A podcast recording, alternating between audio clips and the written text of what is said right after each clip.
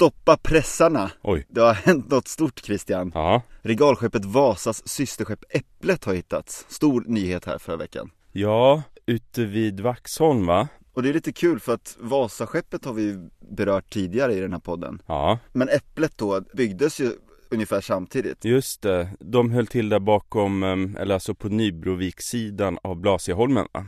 Mm. Som jag förstod det så sjösattes det här något knappt år efter Vasas förlisning. Så det var ju färskt i minnet och de där masterna kanske till och med fortfarande stack upp där utanför Bäckholmen. Ja, ja. Vet man hur den sjönk då? Alltså, Ja, nej men det är det som är så kul. Äpplet kom ju faktiskt till användning och fanns ju med i den här armadan som seglade mot Tyskland där när Sverige gick in i det 30-åriga kriget. ja. Men efter 30 år i tjänst så eh, dömdes skeppet ut och man valde helt enkelt att sänka skeppet utanför Vaxholm för att medvetet placera som ett slags hinder där va? Okej, ja, men det är ju inte helt ovanligt va? Det har man ju gjort på mm, ganska många ställen tror jag. Där kan man ju snacka om återbruk, eller hur? Vi kanske har något att lära av våra anfäder just där. Men det ser ju inte ut att bli bärgat, det är för trasigt. Så skeppet förblir väl något av ett mysterium där på sjöbotten. Det är ju lite kul på sitt sätt. Ja. Men eh, du, alltså apropå vrak, det hände ju en grej nu för bara några dagar sedan. Mhm. Eh, den 28 oktober här, det var ju för några dagar sedan. Eh, det var ju faktiskt 100-årsdagen av när ångaren Per Brahe kom till Stockholm efter att den hade bärgats. Ångaren Per Brahe, vad var det för någon? Det var en Göta kanalångare som gick mellan eh, Jönköping och Stockholm Mhm. som gick under på Vättern Mhm. i november 1918 och tog eh, bland annat konstnären John Bauer med sig i Vätterns djup. Och den här ångaren låg på botten i fyra år och så bärgade man den och så åkte man runt på en lite makaber turné där för att eh, dra in Alltså tjäna ihop pengarna man hade lagt ut på bärgningen, den var ju dyr. Så den 28 oktober 1922 så kom den rostiga och lite tilltufsade Per Brahe till Stockholm för egen maskin faktiskt, märkligt nog. Okej. Och så kunde man betala en krona för att gå ombord och titta och det var ju Det var ju en makaber grej och det, i tidningarna så tyckte man att så här gör man inte alltså Ta pengar för att folk ska liksom snoka i människors död och sorg och olycka Ja, intressant. Ja. Du har hänt ytterligare en grej i veckan också. Det har hänt en orm också Oh, en kobra! på Skansen. Men den ska vi inte prata om här. Men Lisa Magnusson skrev en rolig text i DN häromdagen. Hon skrev Det är så mycket elände i världen, nästan alla nyheter är dåliga nyheter. Just därför blir jag lätt om hjärtat av de senaste dagarnas rapportering kring äpplet och ormen. Ja, Som små lägereldar att samlas omkring och uppleva, ja, gemenskap. Om än bara för en kort stund. Och det är väl lite vad vår podcast är också va? ja, absolut. Det ska väl vi suga tag i och vara en liten Mm. lägereld här. Ekensnack heter ju den här lägerelden och den drivs ju av oss två. Du heter ju Christian Gradholt och driver ett Instagramkonto som heter @stockholms historia där du lägger upp massvis av intressanta berättelser från Stockholm. Och så drivs den även av dig, Kalle Kadhammar Och du driver Instagramkontot i en förvandlad stad Och du suger ju tag i liksom de här förändringarna som Stockholm genomgår Och så försöker du ofta ta med liksom det här lite mänskliga perspektivet, eller hur? Ja, det var fint summerat. Ja, Och så har vi den här podden tillsammans och vi har ju en Google Maps-karta där vi markerar alla platser som vi berör. Och länk till den kartan hittar ni i beskrivningen till det här avsnittet. Jag fortsätter det här nyhetssvepet. Det har ju också Mm. varit val i Sverige, Christian. har det? Skojar? Och vi har ju fått en ny regering som kungjorde sin regeringsförklaring här förra veckan. Och med det skedde ju ett antal förändringar bland departementen. Mm. Miljödepartementet lades ju ner faktiskt och slogs ihop med näringsdepartementet nu. Jaha. Hur som helst, det här fick ju mig att liksom kika lite närmare på de här departementen och liksom vad de huserar egentligen. Och det är lite det jag tänkte ge en liten överblick och introduktion till idag. Mm, just det, man har inte jättebra koll på dem där utan att man kollar upp dem Nej men exakt, det, det är ju de här regeringskvarteren jag pratar om på Nedre Norrmalm som man ju också kallar för departementsstaden ibland. mm. Och det här är också intressant på så sätt att det här är till stor del byggnader som faktiskt inte försvann under Norrmalmsregleringen. Flera av de här byggnaderna är alltså några av de få rester vi har av gamla Klara. Och i vissa fall har ju till och med de byggts där äldre byggnader har rivits Ja. Men jag får en känsla av att du kommer till dem Ja men det var en bra brygga där, för det var ju nämligen så ju, det här vet ju du Christian, att under det tidiga 1600-talet då var norra förstaden, Norrmalm, praktiskt taget en liten självständig stad. Alltså lite finare förort får jag inbilla mig. Ja, Som ganska snabbt ökade i omfång här under stormaktstiden och all inflyttning som det innebar till Stockholm. Man pratar ju ofta om urbaniseringen och Stockholms liksom explosionsartade tillväxt under 1800-talets andra halva. Men lyssna på det här. Under åren 1635 till 85 fyrdubblades Stockholms befolkning till cirka 60 000 pers. Det är den absolut största relativa befolkningsökningen i Stockholm. det är en jätteslående ökning samtidigt som det är slående få som bodde här innan. Ja, verkligen. Och här i början av 1600-talet då, då var ju den här delen av Norrmalm ett litet vildvuxet system av gator och gränder. Det fanns ett tiotal stenhus men resten var av trä. Och då började man ju här successivt reglera Norrmalm och dess gatunät. Mm, just det, Flemings eh, regleringsplan va? Exakt, och vi pratade ju om det här i eh, avsnitt 5, Älskade hatade Klara, som vårt specialavsnitt om Klara. Ja, just det. Under 1640-talet då, då arbetade man fram gatunätet söder om Klara kyrka omkring det som då hette Malmtorget, nuvarande Gustav Adolfs torg. Och Fredsgatan, den stensattes 1648. För övrigt året då 30-åriga kriget tog slut och Äpplet helt tappade sin sista betydelse. Ja, just det. Västfaliska freden. Och det är väl den freden som Fredsgatan syftar på. Och arkeologiska fynd har visat att här i trakten då fanns vid den här tiden mycket krukmakare och verkstäder men allt det här revs ju då. Och sen var ju det här ett fina kvarter i flera sekel, det har vi pratat om som sagt. Men jag skulle vilja hoppa fram till 1960-talet för det är ju då rivningarna i Klara pågår för fullt. Riksdagshuset renoveras och då flyttade man ju riksdagen tillfälligt till Kulturhuset. Och hela stan genomgick ju stora förändringar här och då föreslog byggnadsstyrelsen att man skulle samla de statliga kontorsverksamheterna i ett område på Nedre Norrmalm. Är det en så sen idé alltså? Ja, det är en sentida idé och det fanns faktiskt också långtgående planer på att bygga ett riksdagshus i kvarteret Vinstocken vid Gustav Adolfs torg. Mm. Men 1969 då bestämde man sig istället för att bygga om gamla riksdags och riksbankshusen och flytta tillbaka dit till Helgeandsholmen igen. Ja, just det. Innan det här, då hade departementen varit utspridda eh, på bland annat Norrmalm men även i Gamla stan, exempelvis Kanslihuset och Skandiahuset vid Mynttorget. Men nu vill man liksom koncentrera det här och att man skulle liksom kunna röra sig med gångavstånd här mellan riksdagshuset och eh, departementen helt enkelt. Och Christian, det här är intressant. För två avsnitt sen, då pratade jag om tunnelbanans utbyggnad och den här spökstaden Kymlinge. Ja, just det. Idén var ju faktiskt att man ville anlägga en departementsstad där i Kymlinge norr om Stockholm. Jaha. Men det här planen följer aldrig ut, men det är ju en intressant tanke.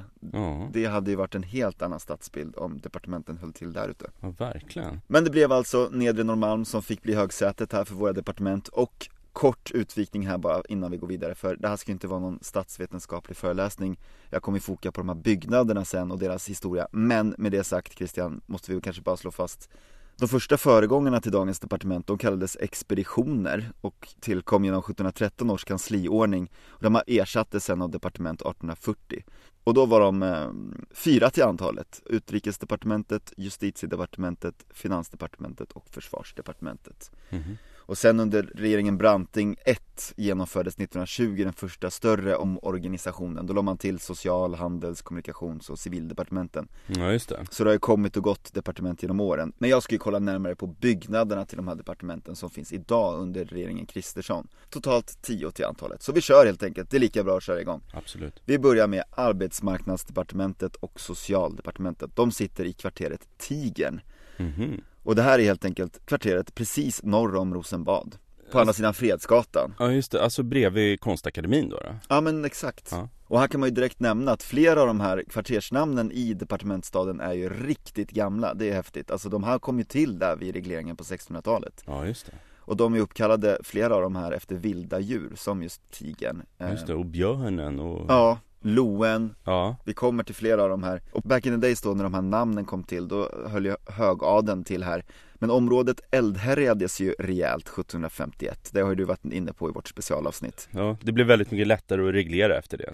Exakt. Det, det, det skedde ju stora förändringar här. Så just Tigern har inga jättegamla byggnader i sitt kvarter, men i hörnet Drottninggatan, Fredsgatan uppfördes 1874 byggnaden för livförsäkringsaktiebolaget Nordstjärnan Mhm. efter ritningar av Axel och Hjalmar Kumlin. Mm. Och det här är ett första av många kulturhistoriskt högintressanta byggnader som jag kommit upp här idag. Det var ju försäkringsbolaget Nordstjärnan som grundades 1871 och man ville ha ett vackert representabelt kontor mitt inne i stan. Och det här kontoret hade från början då fem fönsteraxlar mot Drottninggatan och det var egentligen bara den delen som var kontor. Resten var bostäder. Men det är ett väldigt vackert hus som ligger där i korsningen Fredsgatan, Drottninggatan.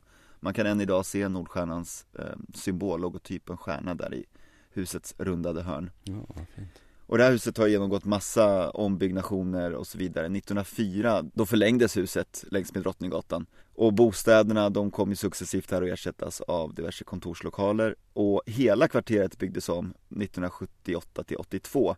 Då revs allt förutom själva fasaden. Men då rasade halva fasaden, Oj. tyvärr. Så eh, man byggde upp en ny fasad men i det gamla utseendet helt enkelt. Alltid något, eller hur?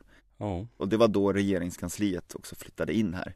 Det var tigern det, orkar du med ett gäng till? Ja, kör! Finansdepartementet, justitiedepartementet och näringsdepartementet De sitter i kvarteren Björnen och Loen. Och hit flyttar nu också miljödepartementet. Dessa kvarter, det är de kvarteren som ligger bakom tigern, alltså norr om tigern helt enkelt. Mm. Björnen bestod ursprungligen av tio små tomter bebyggda med ett stenhus och några enkla trähus. Och de här uppfördes då på 1600-talet Flera av de här föll offer för Klara-branden, även stenhuset skadades men kunde återuppbyggas och blev grunden till Adelkranska palatset som står där och är ritat av arkitekten Carl Fredrik Adelkrans och det här är riktigt häftigt för där finns kvar delar av det här gamla 1600-talshuset i källarens valv bland annat och i husets trappa och i de här bärande väggarna. Ja, det brukar ju göra det. Det är ganska häftigt. 1758 då tvingades Carl Fredrik Adelkrans att sälja det här huset på grund av dålig ekonomi. Han sålde det till generalmajoren Pontus Fredrik de la Gardie Mhm. som också lät bygga ut huset något och fram till 1800-talets slut var det här en privatbostad. Men sen i början på 1900-talet då övertogs det här av eh, statliga kungliga Vattenfallsstyrelsen. Och här gjorde man om, Vattenfall tog över, restaurerade och byggde om en hel del och sen flyttade regeringskansliet in och flera av byggnaderna i det här kvarteret revs såklart under Norrmalmsregleringen. Men det Adelkranska palatset stod kvar där omgivet av regeringskansliets moderna kontorskomplex. Och nu senast har faktiskt det här palatset varit statsministerns kontor medan Rosenbad har eh, genomgått en total renovering. Loen då? Det här är intressant för här på Drottninggatan 15 hade Lars Magnus Eriksson faktiskt sin första telefonfabrik på bakgården en gång i tiden. Ja, LM alltså. LM, precis. Men eh, sen uppfördes på platsen två palats Tjänstemannabanken 1906 och Sundsvalls Handelsbank 1908 Just det, det är ganska häftiga byggnader ehm, och som är liksom gamla och de finns kvar. Ja, och det här kvarteret var också en del av gamla tidningsklara För här i kvarterets nordvästra del hade Svenska Dagbladet sin redaktion och tryckeri Ja, ja. en gång i tiden På 60-talet revs hela kvarterets bebyggelse i princip, känns det igen eller?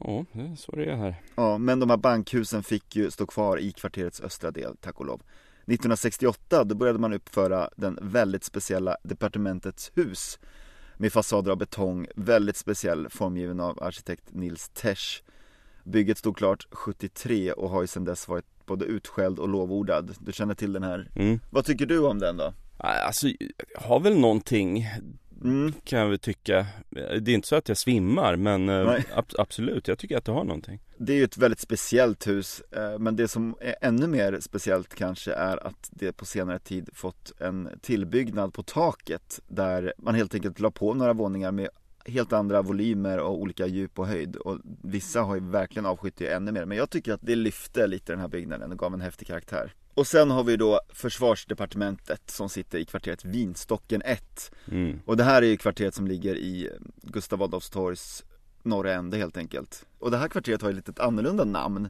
jämfört med de här andra.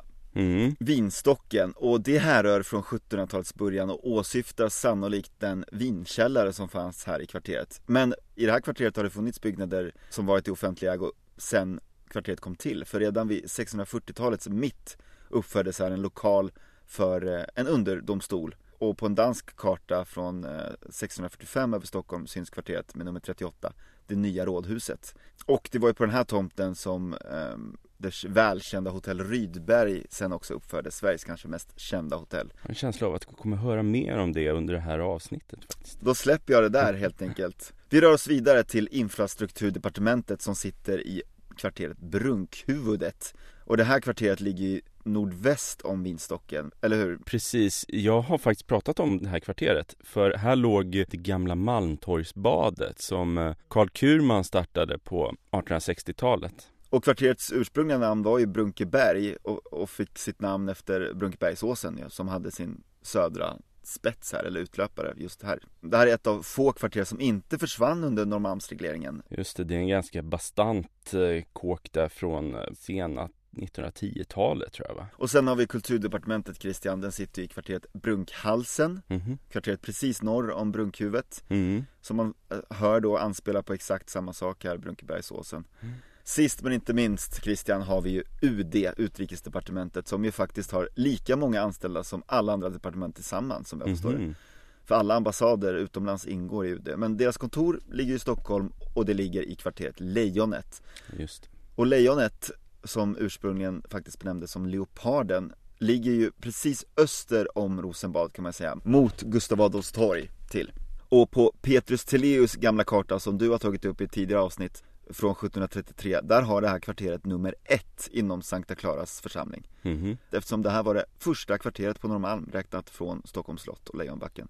Om det är något departement som folk vet var det ligger så är det väl utrikesdepartementet. För jag skulle tro att rätt stor del av, av stockholmarna vet att det ligger i Arvfurstens palats. Arvfurstens palats, precis. Och det är ju en fantastisk byggnad med en väldigt intressant historia. Ja, Det var ju nämligen egentligen från början ett eh, privatpalats som hette Torstenssonska palatset Som stod färdigt 1651 med fältmarskalk Lennart Torstensson som byggherre ett fint palats som eh, 1783 köptes av prinsessan Sofia Albertina. Och eh, då bestämde man att vi skulle bygga ett lite större och ståtligare palats här. Och då blev byggnaden istället en flygel i en större anläggning. Och på Gustav IIIs anordning utformades det här nya palatset som en pandang till det just färdigställda Gustavianska operahuset som ju stod på andra sidan torget. Så det här var egentligen en spegelbild av den gamla operan. och gamla operan var ju en skatt va. Det var ju många som eh, sörjde förlusten av den. Alltså även när det hände på 1890-talet. som- Ja, som den precis. gamla operan revs. Revs ja, precis 1892 av brandsäkerhetsskäl va? Ja, bland annat. Men man behövde ju en större opera också. Mm. Palatset hur som helst inlöstes 1902 av den svenska staten och inreddes för UD som sedan dess har varit här. Men det var departementen det. Jag vill bara vidröra också högborgen Rosenbad, statsministerns kontor som ju genomgått en total renovering på senare år. Namnet Rosenbad går ju tillbaka till 1600-talet då, för då eh, låg ett badhus här. Mhm. Men kvarteret är ju idag känt som plats för regeringskansliets byggnad Rosenbad som ligger här. Ferdinand Boberg va? Ferdinand Boberg, Mm. vacker byggnad. Ja, den är fin. Samtidigt som det gamla bondeska palatset som låg där innan revs. Så det var ju en, en ganska pampig byggnad med så här um, fronton, va? En sån här vinklad liksom framsida där med och pelare och Mm. ja, Ja men det är en fascinerande del av Stockholm det här för det finns ju så många lager och eh, det har skett så många omvälvningar här ju. Många byggnader som har rivits i många omgångar. Men vissa finns kvar Ja. och de får vi hålla fast vid. ja. Tack för den här genomgången Mm. och jag kommer faktiskt vara kvar i dina trakter här. Yes! Samtidigt som jag återknyter till ett ämne som jag tog upp förra säsongen när jag pratade om eh, Kirsteinska huset i Klara i avsnitt 9. Ja. Och det är alltså då eh, nöjeslivet i Stockholm. Mm. Eh, Och vi har ju ett gäng ganska legendariska nöjesställen. Kirsteinska huset har ju pratat om och så Mosebacke och Hasselbacken och Berns och Blanche Café och Hotell Continental och Hamburger Börs och eh, Delacroix salonger med flera. Trevliga ställen. Ja, verkligen. Men en av de mest kända är ju såklart Hotell Rydberg vid Gustav Adolfs torg. Och du har ju redan nämnt det och jag ska, jag ska hänga kvar här. Mm. Men jag måste bara gå lite längre tillbaka i tiden. Eh, faktiskt hela 200 år innan Rydberg öppnade. Mm. 1645 då var det som eh, det byggdes en kåk här och det var verkligen en kåk i ordets nuvarande betydelse för man uppförde en kemnärskammare med tillhörande häkte här på nuvarande Gustav Adolfs torg. Och kemnärsrätten var eh, liksom en underdomstol där lite mindre ärenden avgjordes. Mm. Så det här var då Norrmalms kemnärsrätt Och på Söder fanns en motsvarighet i den byggnad som idag hyser Stadsmuseet. Det här är alltså det som var det nya rådhus på den här danska kartan som jag refererar till. Precis. Men i den här kemnärskammaren så inhystes även en vinkällare, eller som man sa då, ett skänkeri av främmande drycker Mm. som förestods av en man som hette Kastenhoff. Och han lär ha fötts någon gång runt år 1600 och innan han kom till Kemnärsättens hus så förestod han ett så kallat gårdkök i Gamla stan. Mhm. Närmare bestämt Stjärnan på Österlånggatan. Okej. Och ett gårdkök, det var alltså ett ställe där du köpte färdiglagad mat för avhämtning. Mm. Takeaway helt enkelt. Ja, och gårdkök det kommer från tyska Garküche som alltså innebär typ, ja men, färdiglagad. Mm. Och det skulle visa sig att Kastenhoffs vinkällare gjorde ett större intryck på människor än byggnadens roll som kemnärskammare, för hela byggnaden kom faktiskt att kallas Kastenhof. Mhm. Så när man satt på Kastenhof, eller Kastenhov, så kunde man alltså antingen sitta häktad eller på stans bästa vinkällare och äta mat och dricka. Mm. Mm. Eh, Men efter att Kastenhov, alltså byggnaden, hade stått i 200 år här på Gustav Adolfs torg så var det så att Kemnärsrätten som instans lades ner. Eh, Och vad jag förstår så tog rådhusrätten över Kemnärsrättens ärenden. Eh, Och det här var 1849. Så staden som äger huset vill alltså sälja och bli av med det. Och då kliver en man som hette Abraham Rydberg in i sammanhanget. Han var en rik grosshandlare och skeppsredare, född 1780 och död 1845. Men det viktiga med honom, det var att han före sin död hade donerat 100 000 riksdaler banco till grosshandlarsocieteten för uppförandet av ett Hotel de Ville. Hmm. Och ett Hotel de Ville är väl egentligen alltså ett stadshus men Abraham Rydberg pratade väl mer om ett stadshotell då. Mm. Så grosshandlarsocieteten hade 100 loppor och staden ville bli av med Kastenhov. Och tjoff sa det så hade grosshandlarna köpt in huset på auktion. Nice. Och nu genomför man en åtgärd som eh, vi har pratat om tidigare och som var ganska vanlig vid den här tiden. För man behöll stora delar av Kastenhovs murar när man anlade det nya hotell Rydberg. Mm. Eh, och det som uppfördes, det liknade ju inte alls det som var innan. Va? Nej. För hotell Rydberg stod färdigt 1857 och det var strålande vackert i sin renässansstil. Och, och nästan i klass med pampigheten hos eh, Operan och Arvfurstens palats och slottet, sa man då. Mm. Mm. Så Hotell Rydberg var faktiskt Stockholms första egentliga hotell. Tidigare hade det funnits liksom rum för resande, men inga hotell i modern mening. Det är så alltså? Ja, de här rummen för resande, de fanns främst vid kvarteren mellan Västerlånggatan och Stora Nygatan och så längs eh, Norra Smedjegatan. Mm. Men Hotell Rydberg blev ganska så omgående hjärtat i stans nöjesliv. Mm. Och när jag pratar om nöjen, du minns ju hur det var liksom baler och maskerader när jag pratade om Kirsteinska huset. Mm. Och det var ju bara något tiotal år innan det här, Mm. på 1840-talet. Men det känns verkligen som att Hotell Rydberg gav upphov till ett paradigmskifte. Just det, det är en helt ny tid som flyttar in. Ja, precis, alltså balerna och maskeraderna, de upphör liksom här någonstans. Mm. Det blev gammalmodigt. Mm. Eh, istället blev det liksom mer häng på lokal som Just gällde. Det. och det är verkligen slående hur det är någonting som händer här på 1840-50-talen. Framförallt så blev ju Hotell Rydberg framgångsrikt från och med 1859. Okej. För då tog fransmannen Jean-François Regis Cadier över verksamheten här som hotellchef och källarmästare. Okej. Och han hade tidigare drivit charkuteribod vid Fredsgatan och eh, värdshus här vid Gustav Adolfs torg som hette Frères Provençaux, alltså de provensalska bröderna. Eh, och i den stockholmska folkmunnen så kallades det här värdshuset för Bröderna Frères. Bröderna bröder med andra. Det var lustigt. Mm. Men Cadier, han lät i alla fall expandera Rydberg genom att inkorporera Celsingska huset som låg liksom alldeles intill.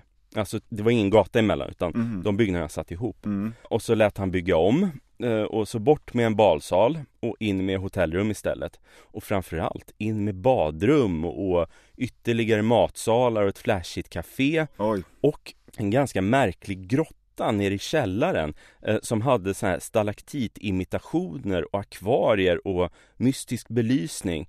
Så, så det här var verkligen nymodigheter på 1860-talet. Det låter spännande. Ja, man hade velat se den där grottan. Alltså, jag tror att det finns några teckningar, men ja, ja, det hade varit häftigt. Mm. Men jag tycker det är intressant här hur nöjesställen liksom ofta ligger i framkant vad gäller nymodigheter och sånt som senare tas för självklart. Verkligen. Men en sak som vi idag tycker är helt och hållet självklart Det är att vi får en ny och rentvättad servett när vi sätter oss till bords på restaurang Mhm. Och det var ju verkligen ingen självklarhet förrän Cadier introducerade den här nymodigheten på Hotell Rydberg Okej. Tidigare hade man fått torka sig med en servett som ärvts från, Ja. från föregående gäst Ja, ja. Eh, Som man får anta då hade slabbat med, med sås och köttsafter och äggula och saliv och punch Eh, Det här innebar ju något av en extravagans som faktiskt kostade pengar Andra källarmästare klagade över det här De tyckte väl att det var dumt att vänja stockholmarna med eh, allt för fina och dyra vanor Det, det är rätt inställning. Ja, men eh, hans historia är ju som många säkert vet inte knuten endast hit till Gustav Adolfs torg För han hade ju faktiskt en dröm Som gick ut på att bygga ett hotell helt i silver Mhm. och han tjänade ju riktigt mycket stålar här på Rydberg, så det var väl ingen omöjlighet. I praktiken lär det ha gått till på så sätt att Cadier själv, i sällskap med någon form av skyddsvakt, tog sig från hotell Rydberg bort till Blasieholmen, där Grand Hotel byggdes i början av 1870-talet, med en skottkärra full av silvermynt som han avlönade byggarbetarna med. Okej. Så på så sätt byggdes hans hotell av silver. Mhm. För han ville ju driva sitt egna hotell då och Grand Hotel blev väl den platsen Cadier främst förknippas med. Förmodligen mycket tack vare Cadierbaren. Mm. Men eh, när eh, Régis Cadier dog 1890 då tog Jöns Johansson över driften av Hotell Rydberg. Eller i alla fall 1892 för Cadiers änka satt vid rodret i några år. Men det var i alla fall Jöns Johansson som var liksom upphovet till Rydbergs betydelse för den kulturella eliten. Mhm. För han hade tidigare varit teaterkille Så han gillade ju det här med kulturpersonligheter och kändisar Bland annat finns det ett berömt fotografi från början av 1900-talet när den ganska excentrisk eh, författaren Algot Rue sitter vid ett bord inne på Rydbergs American Bar Mhm. Så det samlas ju liksom författare och, och Mm. Hjalmar Söderberg hängde där och operasångare och sådär Mm. men apropå den här amerikanska baren så var det faktiskt Jöns Johanssons efterträdare C.G. Berglind som lät inrätta den i juni 1902 och alla drinkar kostade 75 öre. Mhm. Men det här var alltså den andra baren i Stockholm efter att Grand Hotel hade upprättat sin. Även om Rydbergs blev mer känd och, och, liksom populär. För att tidigare hade det ju väl varit liksom bordservering och kypare och sådär. Men nu kunde man alltså stå eller sitta vid en fysisk bar eller disk med bartenders bakom. Mm.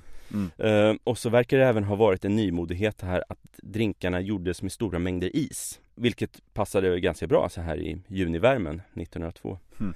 Så det var man ju inte van vid i Stockholm vid det här sekelskiftet. Så återigen är det nymodigheter här på, på, på Rydberg. Just otroligt. Ja, precis. Att aldrig liksom ha stått i en bar va. Ja, Det visade sig ju ganska attraktivt med att stå här i baren. och att det kommer som ett amerikanskt fenomen också. Absolut. Eh, Men eh, det verkar ju ha passat alla här kulturpersonligheter och sådär. Mm. Men eh, som jag har liksom antytt här lite så avlöste ju hotelldirektörerna varandra.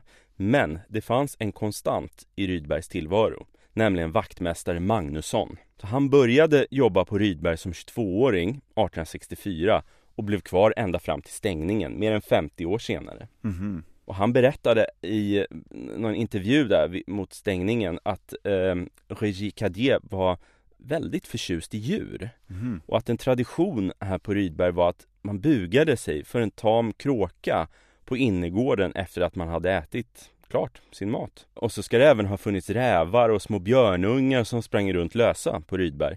Men när björnarna blev för stora och farliga så dödade man dem och så stoppade man upp dem. Va? Och så fick de stå i Grand Hotels vestibul. Eh, Jag har faktiskt pratat med, med folk som har jobbat på Grand Hotel och de intygar att det, är- det är sant. Oj. Men allt som är roligt har ju ett slut va? Mm. Och Rydbergs slut befann sig verkligen mitt i tragedin eftersom det var 1914 på hösten och därmed krig i världen. Så det var ju dystra tider det här och ingen var ju heller särskilt glad över att Rydberg skulle rivas till förmån för Skandinaviska Kreditaktiebolagens nya bankhus. Mm. Så nu skulle alltså byggnaden som först uppfördes på 1640-talet bort till förmån för en koloss i nybarock. Mm. Eh, Och vi har ju pratat om den här, jag skulle säga hemska bankpalatsifieringen av Norrmalm. Mm. Eftersom det var ju så många gam- ännu äldre byggnader som revs. man, man, skulle kunna säga att den var, kanske var lika destruktiv som Norrmalmsregleringen Bara att den inte hade samma skala mm. För det var ju vissa ganska speciella och vackra gamla byggnader här nere som försvann när bankpalatsen skulle upp mm. Men eh, på Rydberg hålls det i alla fall en aktion i dagarna fem i mitten av september 1914 för att man skulle bli av med inventarier och på så sätt dra in lite extra stålar inför rivningen. Och här var det stålsängar och sänglinnen och filtar och speglar och schäslonger och byster och kandelabrar och värmeskåp från Bolinders och en tysk bakugn och även spottlådor och massa annat som gick under klubban. Och det här var väl egentligen ingen succé för direktör Ålfält, Rydbergs siste innehavare. Vinglasen gick för 15 öre stycket. Tallrikar med Hotell Rydberg-märke gick för 10 till 12 öre. De såldes dussinvis. Mm -hmm. Och så lite finare tallrikar utan märke för 25 öre. Men eh, direktör Ålfält gick det ändå rätt bra för. För han gick och blev eh, restaurangchef på Nordiska kompaniet i deras nya hus på Hamngatan. Mm. Och så barmästare Modin, han gick till Blanche Café och hovmästare Selin gick över till Fenixpalatset. Men värre var det väl kanske med vaktmästare Magnusson då, så han var 72 år när Rydberg stängde så kanske lite svårt att få ny anställning vid den åldern. Ja. Men um, nu när det börjar dra ihop sig till Rydbergs sista dag i verksamhet Det här är ju en mytomspunnen episod i Stockholms historia Det var onsdagen den 30 september 1914 Och Hotell Rydberg var packat med folk mm.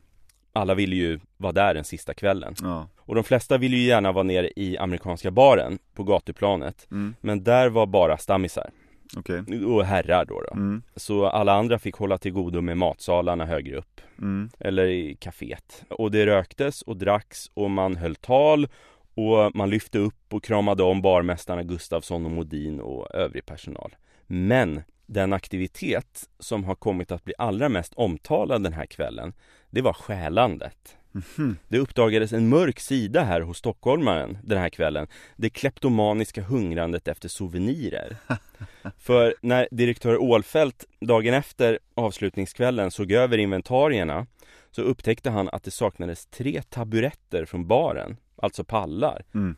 Och korkuppdragare och champagneflaskställ Dricksglas, sifoner ja. och inte mindre än 15 kaffekannor av silver hade stulits Av folk som ville ha med sig en souvenir och det här föranledde tecknaren Per Lindroth som ritade för Söndagsnisse och Kasper och andra roliga tidningar mm. att teckna den här berömda bilden av avslutningskvällen på Rydberg där en massa tjocka gubbar gråter i vild sorg över stängningen samtidigt som de sliter åt sig och stjäl glas och kaffekannor och såsnipor och champagnehinkar och en telefon som någon i barpersonalen pratar i och, och stolar och bord och delar av baren, den här stången vid baren. Vad roligt. Och direktör Ålfält sa om de här stölderna att de tog med sig glas, det säger jag inte så mycket om. Men att de knycker med sig kaffekannor, silversaker till min servis, det tycker jag är brist på uppfostran.